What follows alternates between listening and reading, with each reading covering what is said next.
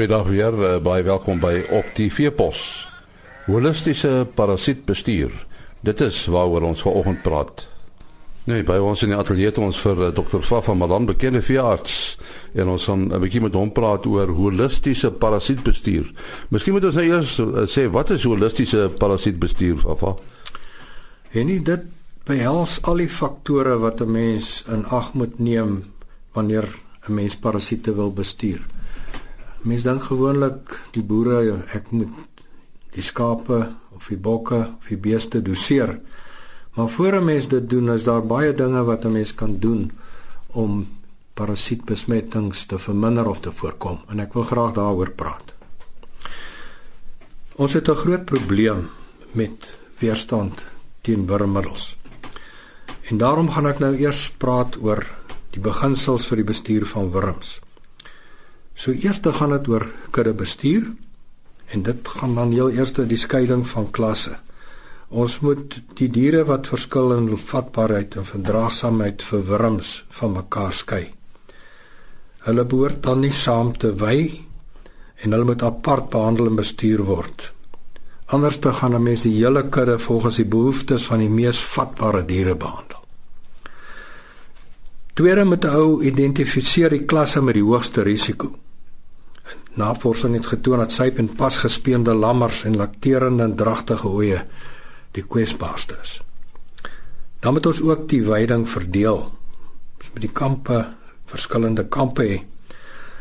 Dan sal alle skape het sy vatbaar vir of weerstandig teen besmetting aan dieselfde daging blootgestel word as hulle almal in dieselfde kamp vei. Ons moet veidings laat rus vir die onthaalwe van beter kwaliteit veiding, maar ook as 'n mens veidings laat rus, neem die parasietbesmetting in die kamp af. Gewoonlik is 3 maande genoeg. Dan kan ons gasheure afwissel. Skaap en bokke, hulle deel dieselfde wurmsoorte, maar as 'n mens hulle afwissel met beeste of met perde, dan kan hierdie diere as stofsuiers dien om die wurmpies op te tel en dan eintlik te verwyder sodat die kleinvee nie besmet kan raak nie. Dan moet ons alle waterlekkasies herstel. Wurms soek vogtigheid. Kyk na lekkende waterbakke, hierdie groot tanks wat oorloop. Daar is 'n ewige aansameling van besmette mis in hierdie areas en dan broei hulle daar uit. Kampie vleiagtige areas af. Dis ook waar die besmettings eintlik voorkom en dan verwyder alle gras in krale en om die krale. Dis waar die besmettings voorkom. En dan kan ons ook strategiese verskuiwing van die troppe doen. As ons sien sekere kampe of sekere van die weidings is meer besmet, moet ons hulle korter op hierdie kampe hou en hulle dan na die veilige weidings toeskuif. Baie belangrik is kwarantyne. As 'n mens skape aankoop, moet ons nie sonder meer hierdie diere op die weiding vrylaat nie. Plaas hulle in wurmonvriendelike krale. Eintlik moet daar glad nie gras wees nie. En behandel hulle dan intensief en dan na 10 dae hierna behandeling doen eiertellings en kyk of hierdie wurmmiddels gewerk het voordat 'n mens hulle dan op besmette weiding plaas. Dan kom ons by die hele ding dat ons na diere kyk selekteer skape en en bokke om wurms te kan weerstaan. Ons kan miskien die ramme eiertellings doen en dan die ramme selekteer wat die laagste eiertellings het. En dan selekteer ons ook vir verdraagsaamheid. Ehm uh, met die FAMACHA stelsel wat ons hierdie FAMACHA kaart ehm um, ontwikkel het, so ons kan dit gebruik. En dan die metingsstelsels. Ons moet gereeld mis eiertellings doen om te kyk hoe besmet is die skape want hulle besmet die weiding. En dan ook die miseiertelling reduksie toets wat ons voor behandeling en 10 dae na behandeling eiertellings doen om te kyk of die wurm middels gewerk het. En dan kyk ons na die 5-punt stelsel. Ehm uh, wat uh, professor Bath en myself en dokter van Wyk ontwikkel het so ons kyk na die oogslijmvliese, ons kyk na kwakkele, die liggaamskondisie tellings, vuilbroeke. En dan kan ons ook nadoodse ondersoeke doen om te kyk wat presies in die skaap aangaan. En dan moet ons wurmmiddels optimaal gebruik. Gebruik die regte wurmmiddel. Weet watter parasiete kom op die plaas voor. En dan vermy oormatige dosering want dis hoe ons selekteer vir weerstandbiedendheid. En dan uit hierdie hele storie uit kom die selektiewe behandeling. Ons noem dit doelgerigte selektiewe dosering om net die diere wat dit nodig het te behandel. En onthou altyd as ons alle diere behandel, dan bly ons se ruk in dieselfde kamp sodat die wurms wat agtergebly het in die skape na behandeling verdun kan word deur die parasiete wat op die weiding is. Andersom kan ons dit doen dat ons dan eers die diere na geruste kampe toeskuif sodat daar eers weer parasiete in hierdie kampe neergelê kan word en behandel hulle dan sodat die wat agtergebly het die weerstandbiedende parasiete verdun kan word. Dan die laaste is maak gebruik van mense wat weet wat aangaan. Ehm uh, daar is konsultante en daar's veeartse en daar is mense wat al jare lank te doen het met wurmbeheer. Maak gebruik van hulle. In die toekoms is daar dalk ander dinge wat ons na gaan kyk. Ons het gekyk al na swamme wat die parasiete doodmaak. Ons het selfs al vatbare parasiete verskape gegee sodat die weerstandbiedende wurms verdun kan word. Goeie kos, proteïenaanvullings. Diere wat goeie proteïene ontvang is ook meer weerstandbiedend. En dan is daar plante soos byvoorbeeld Armand lucerne Serratia lespedeza wat tannine bevat wat ook wurms onderdruk en 'n leierproduksielegging onderdruk. Daar's ook 'n enstof nou beskikbaar in Australië wat ons ons hoop hier geregistreer kan word die eerste teen haarworm. So as jy enigstens meer inligting wil hê, kan jy ons dalk skakel by 082 90 8866. Nou nou uh vir dit dit is nou julle lys wat jy afgehandel daar. Kan 'n mens dit sonder 'n veearts doen? Ja, ehm um, die inligting is ook beskikbaar op die webblad by www.landbou.com wat jy daarna gaan kyk.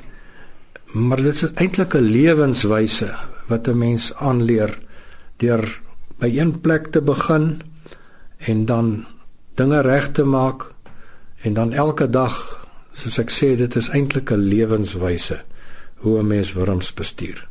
Ja, is dit 'n soort van biosekuriteit? Die biosekuriteit wat ek gesê het begin by die aankoop van diere dat 'n mens nie weerstandbiedende parasiete op jou plaas inkoop nie. Ek sê altyd jy koop stoet diere met stoetwurms binne hulle. so dis 'n lewenswyse, dit is biosekuriteit 'n mens met al hierdie dinge doen. Mm. En dit dit uh, onderstreep eintlik die ding dat dat die veearts op die op die plaas wat met die met die boer werk 'n deel van die van die besluitnemingsproses moet uitmaak. Ek stem heeltemal saam. Dit is 'n spanpoging. Dit moet saam gedoen word. Uh Steve, veearts in Suid-Afrika volg hulle nog die kudde bestuur benadering. Ons werk baie baie hard dat ons wegkom van hierdie individuele dierbehandeling en ons ons het nou ook uh, wat Dani Oorndal hierdie hele veeplan hmm. is stelsel het wat ons die veearts eintlik direk in kontak met die boer wil bring met uh, elektroniese stelsels. Hmm. Dit is die toekoms. Ja. Uh, net 'n ander saakie, kyk, die dit is nou algemeen begin dat die getal boere verminder. Uh, maar die plase word groter en uh dit word groter om te bestuur. Hoe hoe is dit gestel met die veeartsbevolking? Is daar genoeg veeartse? Is daar te veel of te min? Ja, dit is 'n kontroversiële saak. Die aantal veeartse wat nou opgelei word of wat nou in die fakulteit ingeneem word, is is amper verdubbel.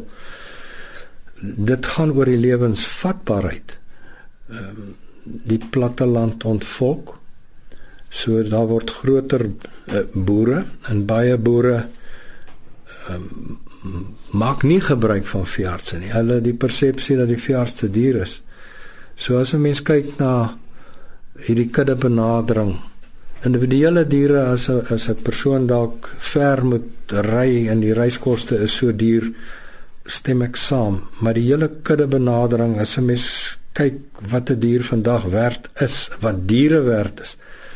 Dit gaan oor dat veeartse die benadering het om vir die boere ekonomies lewensvatbaar te hou deur nuwe benaderings deur produksie te verhoog in wurms verlaag produksie ehm um, parasiete steel die boer se geld en uh, daai met al hierdie nuwe benaderings en seleksie en teeling kan ons hierdie dinge eintlik oorkom. Mm -hmm.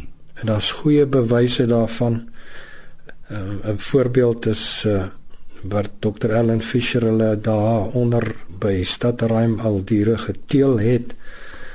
Ramme, Denny Ramme by Robbie Blaine hulle wat die data daar is en die bewys daar is dat met hierdie teeling maak 'n mens absoluut rasse vooruitgang. Mm.